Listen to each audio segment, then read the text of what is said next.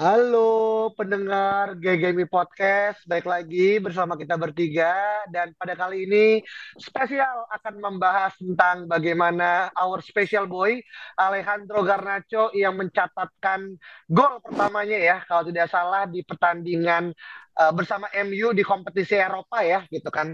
Uh, dan ini menjadi gol semata wayang yang mengantarkan MU untuk maju ke babak uh, knockout tapi lewat playoff dan kita akan bertemu dengan perwakilan dari klub Liga Champions yang tersisih dan menurut gue sih mengutip pada Erik Ten ya gue nggak takut gitu asik lebih ke tidak ada pilihan sih pak Oke, okay. nah, gue para pecundang-pecundang Champions League itu. Iya iya iya iya. Oke. Nah, gue mau lihat dari Alvin ya terkait dengan permasalahan line up ya. Ada beberapa hmm. hal yang akhirnya cukup unik karena adanya anak baru ya. Anak Betul. baru bukan lama gitu kan. AKA Doni van de Beek yang mendapatkan banyak apa ya sorotan tapi lebih kepada negatif karena dianggap itu Van de Beek itu adalah uh, orang tongkrongan baru yang mencoba masuk blend in ke tongkrongan lama gitu. Jadi dia agak sedikit terkaku gitu kan gitu. Nah, lu ada cerita sendiri ya untuk line up sendiri? Um, misalnya bicara line up sebetulnya agak mengagetkan ya ketika kita melihat Donny van de Beek dan juga Garnacho ya di pertandingan sepenting ini tiba-tiba bermain gitu. Cuma ya uh, again gitu Erik Ten Hag pasti punya keputusannya sendiri yang sudah dipikirkan matang-matang. Cuma kalau misalnya terkhusus kepada Donny van de Beek yang bikin Bruno Fernandes ada di sisi kanan ya, um, Van de Beek ini sebenarnya mungkin kita semua sepakat ya di babak pertama dia kurang involve, dia pressingnya juga kayak nggak line, nggak sama dengan yang lainnya, kemudian jarang minta bola, kemudian sering salah oper juga gitu. Jadi kayak kurang terlibat gitu. Cuma memang bisa dibilang dia nggak bagus, tapi untuk ukuran pemain yang baru kembali ya dari cedera dan baru main jadi starter lagi ya not that bad lah gitu. Cuma karena memang pressing Sociedad tuh apa gila banget ya oke okay, seperti itu gitu. Cuma mungkin satu hal yang mengagetkan adalah ketika Van de Beek ditarik ol, ol, dan diganti oleh Rashford ternyata tuh lebih jelek lagi men gitu loh. Itu itu serius gue ngerasa Van de Beek keluar MU main jauh lebih jelek gitu karena Rashford ini sebagai nomor 10 ya dia kemarin juga sangat struggle gitu ketika di press abis-abisan. Dia sering salah oper. Bahkan menurut gue Rashford mainnya lebih jelek daripada Van de Beek kemarin gitu. Van de Beek yang kita nilai jelek Rashford jauh lebih jelek lagi kemarin di peran nomor 10 ya. Kayak hmm. gitu. Jadi uh, bicara line up sebetulnya ya again ya kalau bicara pemain yang lain kayak Ronaldo itu juga ya jujur buat gue meskipun asis tapi mengecewakan juga gitu. Line up sebenarnya kayak kita nggak punya pilihan gitu. Dan menurut gue ya Januari ya board mau nggak mau gitu loh. Kayak ya masa lo mau dengan squad seperti ini gitu cadangan kita yang cedera Sancho Anthony dan Martial itu sebenarnya starter quality men tapi mereka cedera semua gitu jadi ini memalukan sih menurut gua untuk squad yang sangat uh, kecil seperti ini. Hmm, oke. Okay. Berarti kalau lebih kepada akhirnya uh, apa ya? Uh, mungkin karena juga udah masuk ke dalam fase-fase genting dan kedalaman squad kita juga sangat tipis ya. Walaupun gue ngerasa dibandingkan sama Arsenal atau Liverpool, kita jauh lebih better ya. In my opinion gitu kan. Cuman tetap aja gitu kan. Karena ini masa pembuktian Ten Hag, gue ngerasa uh, Ten Hag perlu disupport gitu kan. Apalagi Anthony uh, Martial dan juga uh, Jadon Sancho akhirnya harus menepi dan kita nggak tahu sampai kapan. Jadi hasilnya mungkin kurang baik atau kurang sesuai ses karena emang targetnya kan kalau misalnya gue baca ya kemarin ya, jadi gue salah adalah kita harus minimal menang dua gol kan untuk akhirnya kita bisa take over uh, tempatnya yeah. Ya. uh, Sociedad gitu kan ujungnya enggak gitu. Nah ngomongin masalah satu pemain yang akhirnya mencuri starting apa ya eleven dan juga mencuri highlight adalah Alejandro Garnacho sendiri gitu kan. Di mana akhirnya di menit ke-17 ya dia mencatatkan gol gitu kan lewat kaki kiri umpan dari sang maestro gitu kan yang dia tiru uh, gaya selebrasi golnya tapi minta izin dulu gitu lucu aja gitu.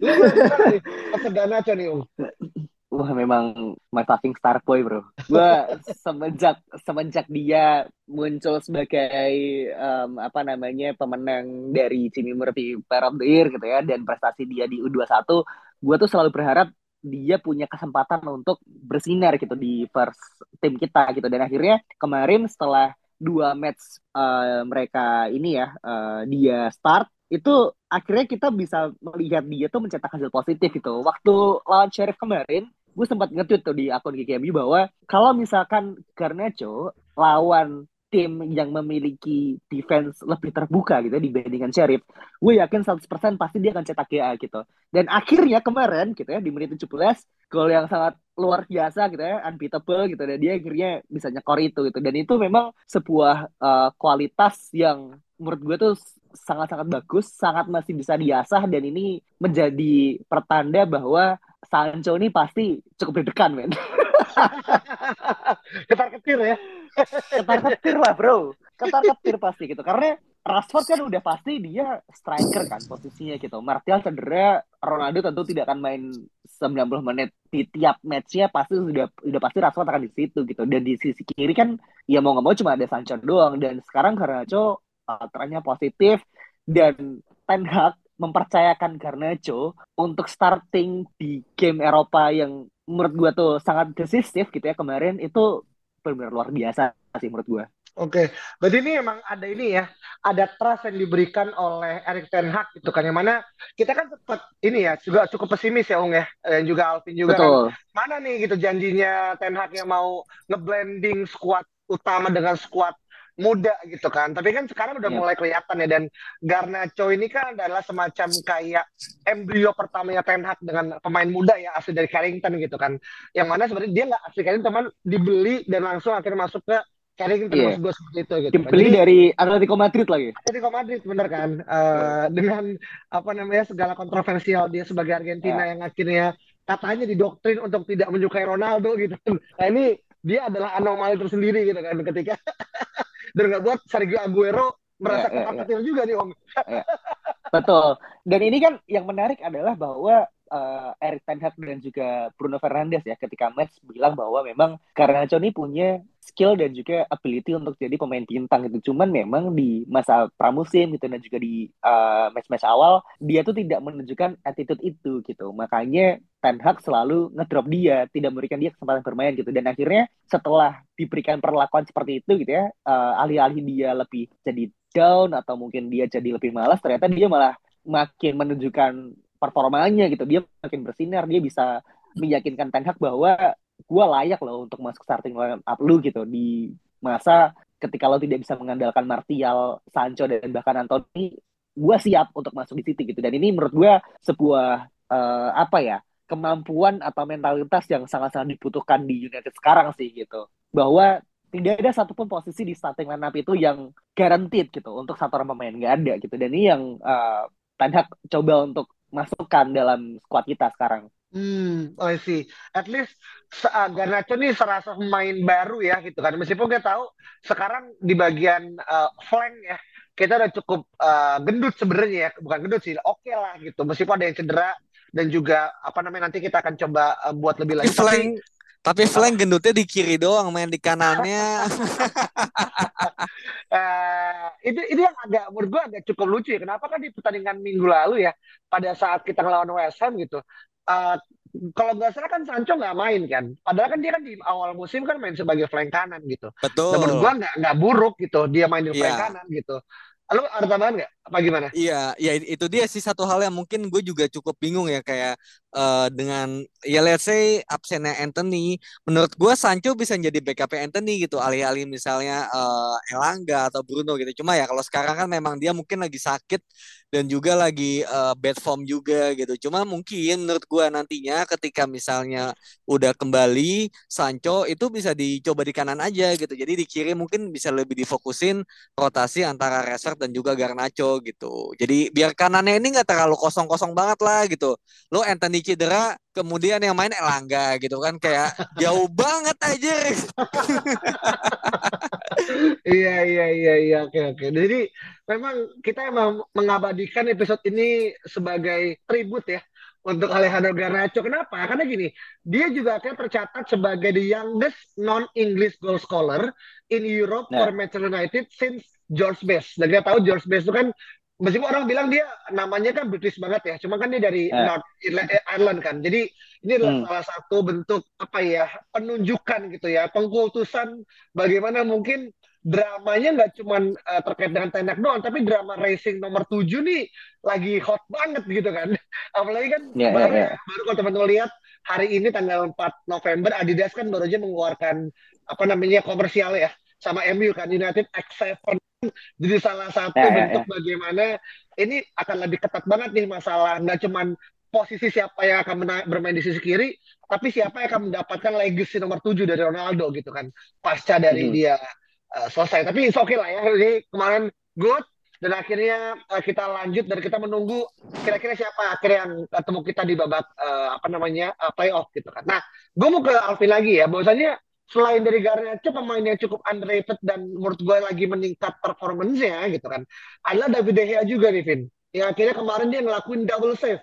Hmm. Mungkin nggak sefantastis ketika dia ngelakuin double save pas lawan Arsenal ya di tahun 2018 gitu kan. Iya, Tapi iya. tuh bener-bener near post gitu. Dia masih bisa-bisanya gitu melakukan tip kecil gitu kan di ujung meskipun kemarin tuh dia gagal, gue yakin pasti kejebolan gitu. Lo ada alasan nggak kenapa De Gea kok tiba-tiba jadi booming lagi nih ketika uh, rumor Diogo akhirnya lagi kuat-kuat ya, Devin?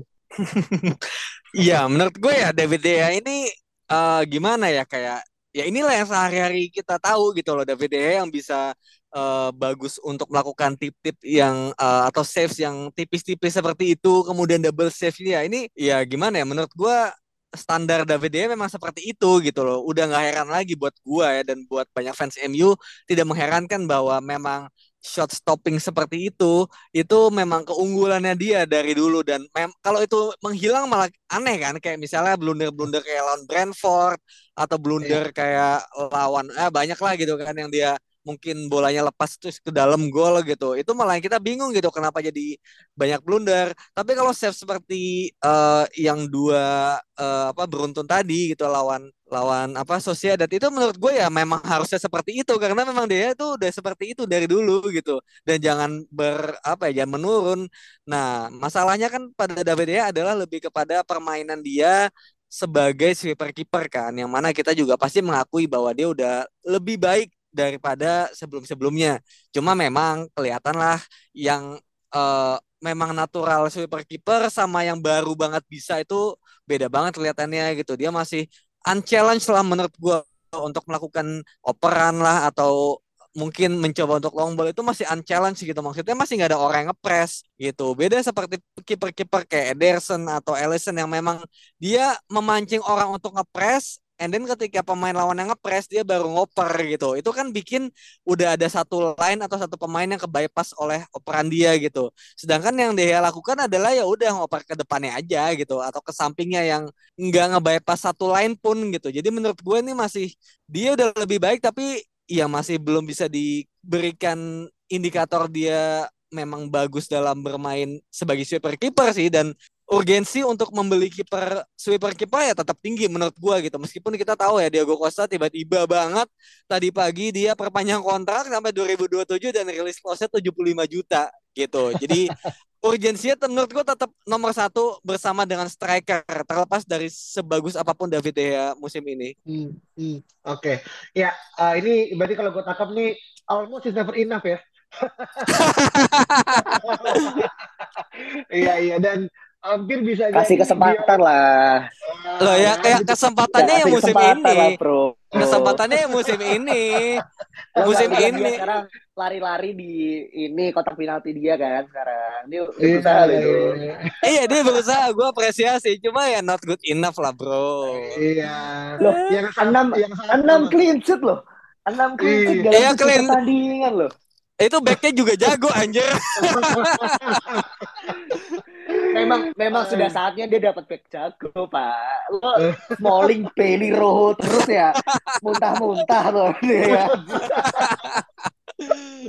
Iya iya. Ini yang satu apa namanya uh, almost never enough. Yang satu lagi ke Diego Costa, the one that got away kayaknya ya.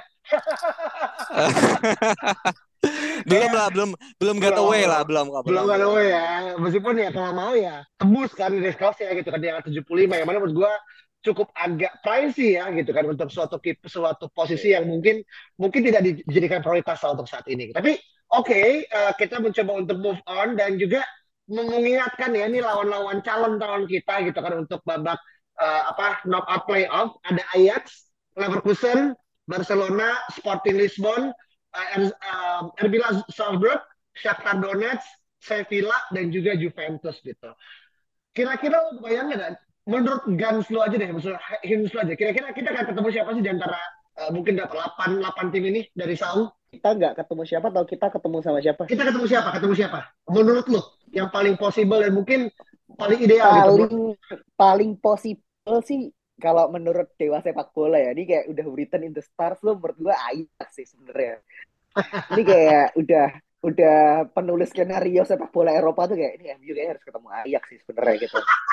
Karena satu dan lain hal yang tentu saja kita yeah, yeah, tahu yeah. ya. Iya iya iya menurut gue kalau nggak Ajax itu Juventus pak menurut okay. gue gitu. Karena kita kan tanding Februari ya nanti ya. Um, dan ini kan masih ada kesempatan waktu untuk Paul Pogba sembuh kan. Jadi kayak yeah. dia debut Juventusnya itu lawan MU menurut gue ini kayak ini dewa sepak bola itu juga sudah memberikan kisi-kisi nih kayaknya. Oh, iya. sih gitu. Cuma iya, kalau iya cuma kalau gue pribadi kalau misalnya gue bisa berharap kita nggak ketemu menurut gue sih Sevilla sih men. Gue malas banget ketemu tim La Liga tuh udah malas banget. Kecuali Barcelona ya Barcelona mungkin masih oke okay lah. Kalau Sevilla tuh udah mending gak usah lah anjir. Trauma pak lawan kayak Real Sociedad itu trauma anjir. Iya iya iya iya iya. Dan Sevilla kan emang udah langganan. Emang dia emang selalu take, taken kontrak kan sama nah, sama peringkat ketiga kan? Maka daripada itu kan malas banget Iya, iya, iya, iya. Oke. Berarti uh, kalau dari Saung lebih ke Ajax karena ada faktor emosional Ten Hag gitu kan. Dan juga lebih kepada Pogba, lebih kepada ingin membuktikan dan sebagai debut uh, di uh, apa namanya di Juventus gitu. Karena lo Vin, ada nggak point of view berbeda? Kalau gue malah kepingin kalau nggak Sporting Lisbon itu adalah uh, RB Salzburg ya. Yang mana gue juga pengen lihat Sesko nanti mungkin ngejebolin ya ke gawang MU ya biar board ini makin apa ya mungkin pingin gitu loh. Makin nafsu buat ngejar Sesko. Meskipun udah dibeli Leipzig cuma kan katanya masih bisa lagi gitu masih bisa langsung dibeli lagi gitu. Jadi nggak apa-apa lu dijebolin tapi MU tetap lolos masih boleh kan gitu.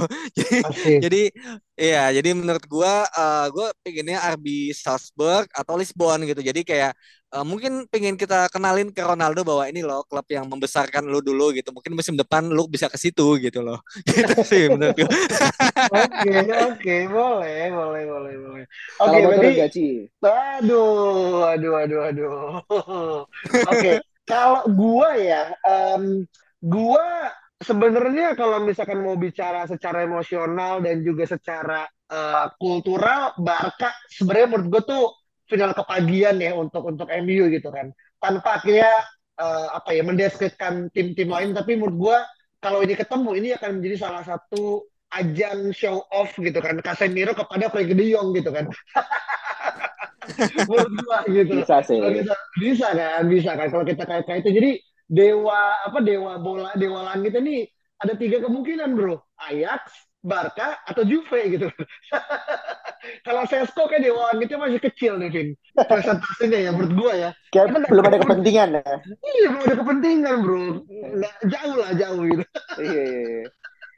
dan ini undiannya hari Senin loh. Nah, eh? nah, nah, nah, nah, nah, nanti mungkin bisa nih ya kita coba bahas nih uh, iya dong. kita siapa dan uh, kira-kira seberapa besar chance kita untuk bisa melaju ke babak uh, berikutnya. Tapi kita coba tinggalkan dulu. Kita akan balik lagi di episode baru di hari Senin. Kita sekadang uh, menghadap ke akhir pekan, ke hari uh, Minggu kita akan bertemu dengan Aston Villa yang sedang berada di posisi 16.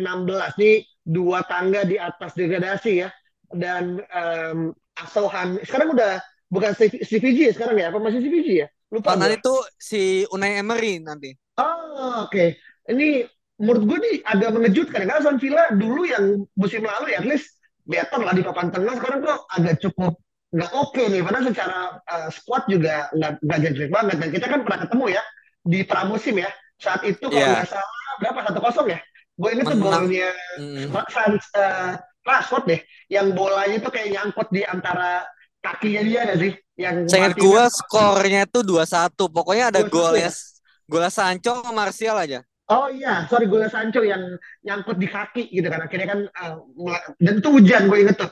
Itu kalau nggak main di Bangkok ya, apa di Australia? Di Australia, Australia. Australia gitu. Nah kita akan ketemu lagi uh, di mana akhirnya sebenarnya ini kalau bisa kita lihat secara tren ya, MU lagi naik daun gitu. Dalam arti uh, berapa empat lima enam gitu kan uh, uh, positif lah ada yang seri ada yang menang tapi nggak dalam kondisi yang kalah gitu kan. Selain dari terakhir City lo ngeliat pertandingan besok lawan Villa main di tandang ya?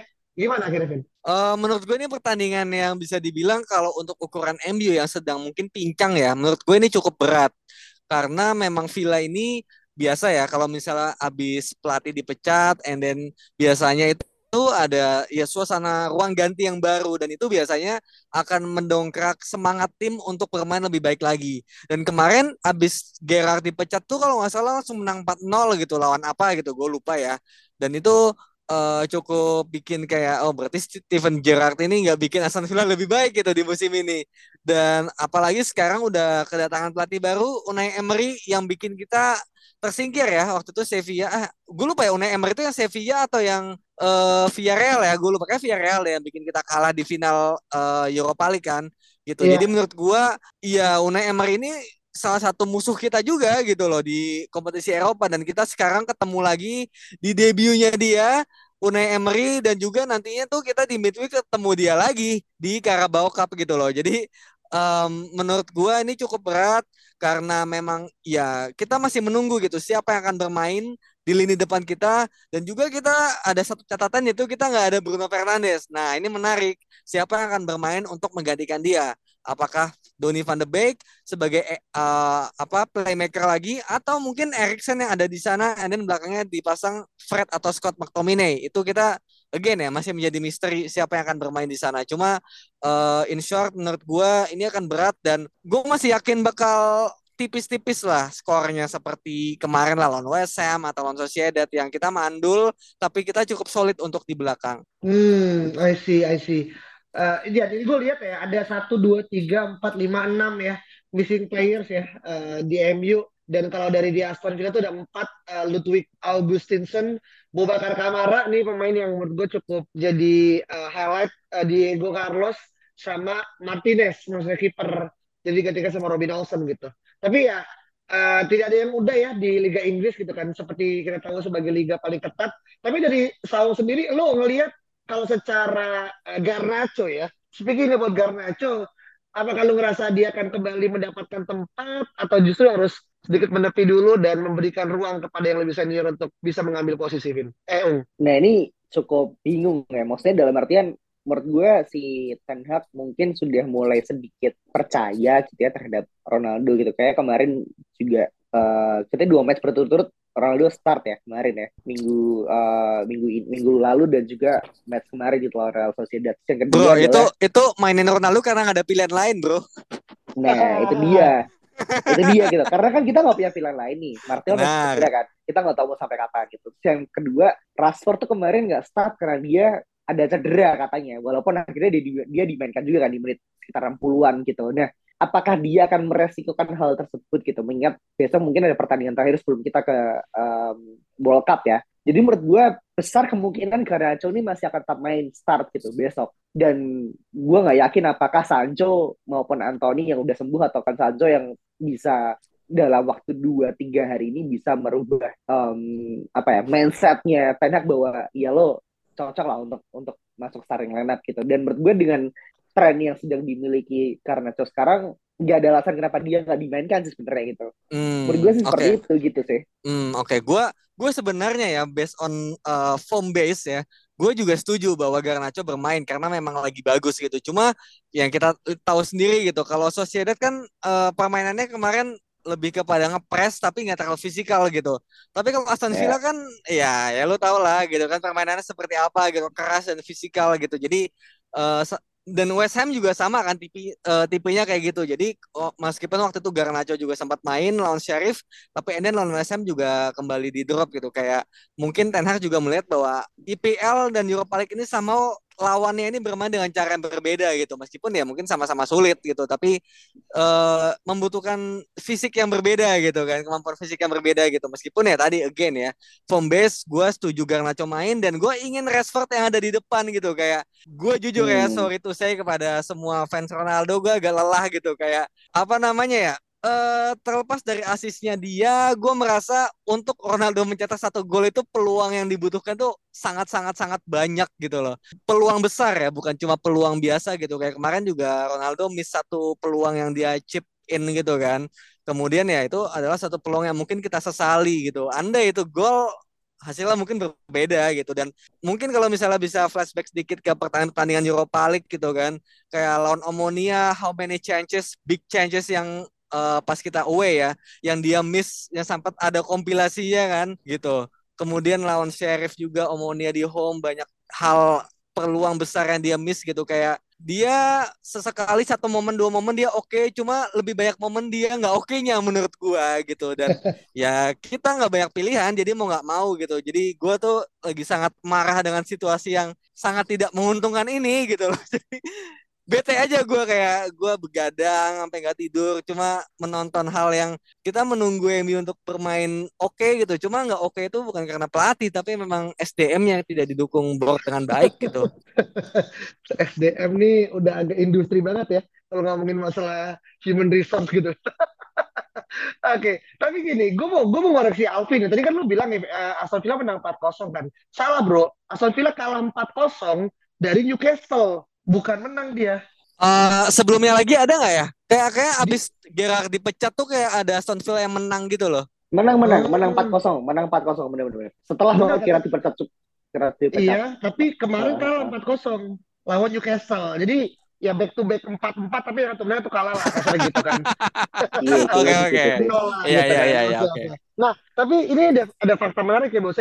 MU itu tidak pernah kalah bermain di kandang Aston Villa sejak tahun 1995. Jadi ini juga adalah pertaruhan ya buat uh, Ten Hag jangan sampai apa ya memecahkan rekornya yang udah dibangun gitu bahkan sekelas Mourinho, sekelas Van Hal, sekelas uh, siapa lagi Ole gitu kan, Moyes gitu. Dia nggak pernah kalah gitu kan di uh, apa namanya di Villa Park. Dan ini adalah pertarungan besar dan pas gue baca juga ini sebenarnya si Emery kan sebenarnya harusnya datang dari Oktober akhir ya. Cuma karena masalah visa jadi dia baru bisa datang tuh tanggal 1 November, tapi sudah bisa untuk akhirnya melakukan apa ya ngomongnya ya, training lah ya kepada Aston Villa gitu. Jadi ini yang patut di apa ya patut dijadi ini juga gitu tentang bagaimana akhirnya debut Emery uh, langsung melawan tim sekelas MU gitu kan. Tapi kita lihat aja bagaimana penampilannya uh, eh, MU melawan Aston Villa di tandang dan ini bisa jadi laga terakhir ya, Bung ya suruh akhirnya oh masih ada. masih ada lon. Fulham nanti minggu depan. Oh masih ada. Oh masih ada lagi ya? Masih ada yeah. satu pertandingan. Satu pertandingan lagi ya sebelum akhirnya kita harus berpisah sejenak selama satu bulan untuk tidak berbicara MU secara rutin ya weekly gitu kan. Karena akan dimulai Piala Dunia di Qatar yeah. tahun 2022 gitu. Tapi after all kita coba akan lihat. Dan kalau teman-teman punya prediksi dan punya pendapat yang berbeda apalagi tadi Alvin sempat menyinggung unpopular opinion ya masalah babang dodo gitu kan yang dianggap tidak terlalu bisa memberikan dampak justru malah lebih kepada mungkin apa ya bahasa ya liability kali ya. Kalau misalkan gue gue tangkap ini mungkin agak terlihat kasar gitu. Tapi poinnya adalah bagaimana uh, Ronaldo belum sesuai dengan skema tenak dan kita nggak tahu apakah dia akan sesuai apa enggak sampai nanti akhirnya kita kedatangan uh, pemain baru gitu kan. Tapi itu aja. Teman-teman thank you so much. Kita ketemu lagi pada lain kesempatan. Bye bye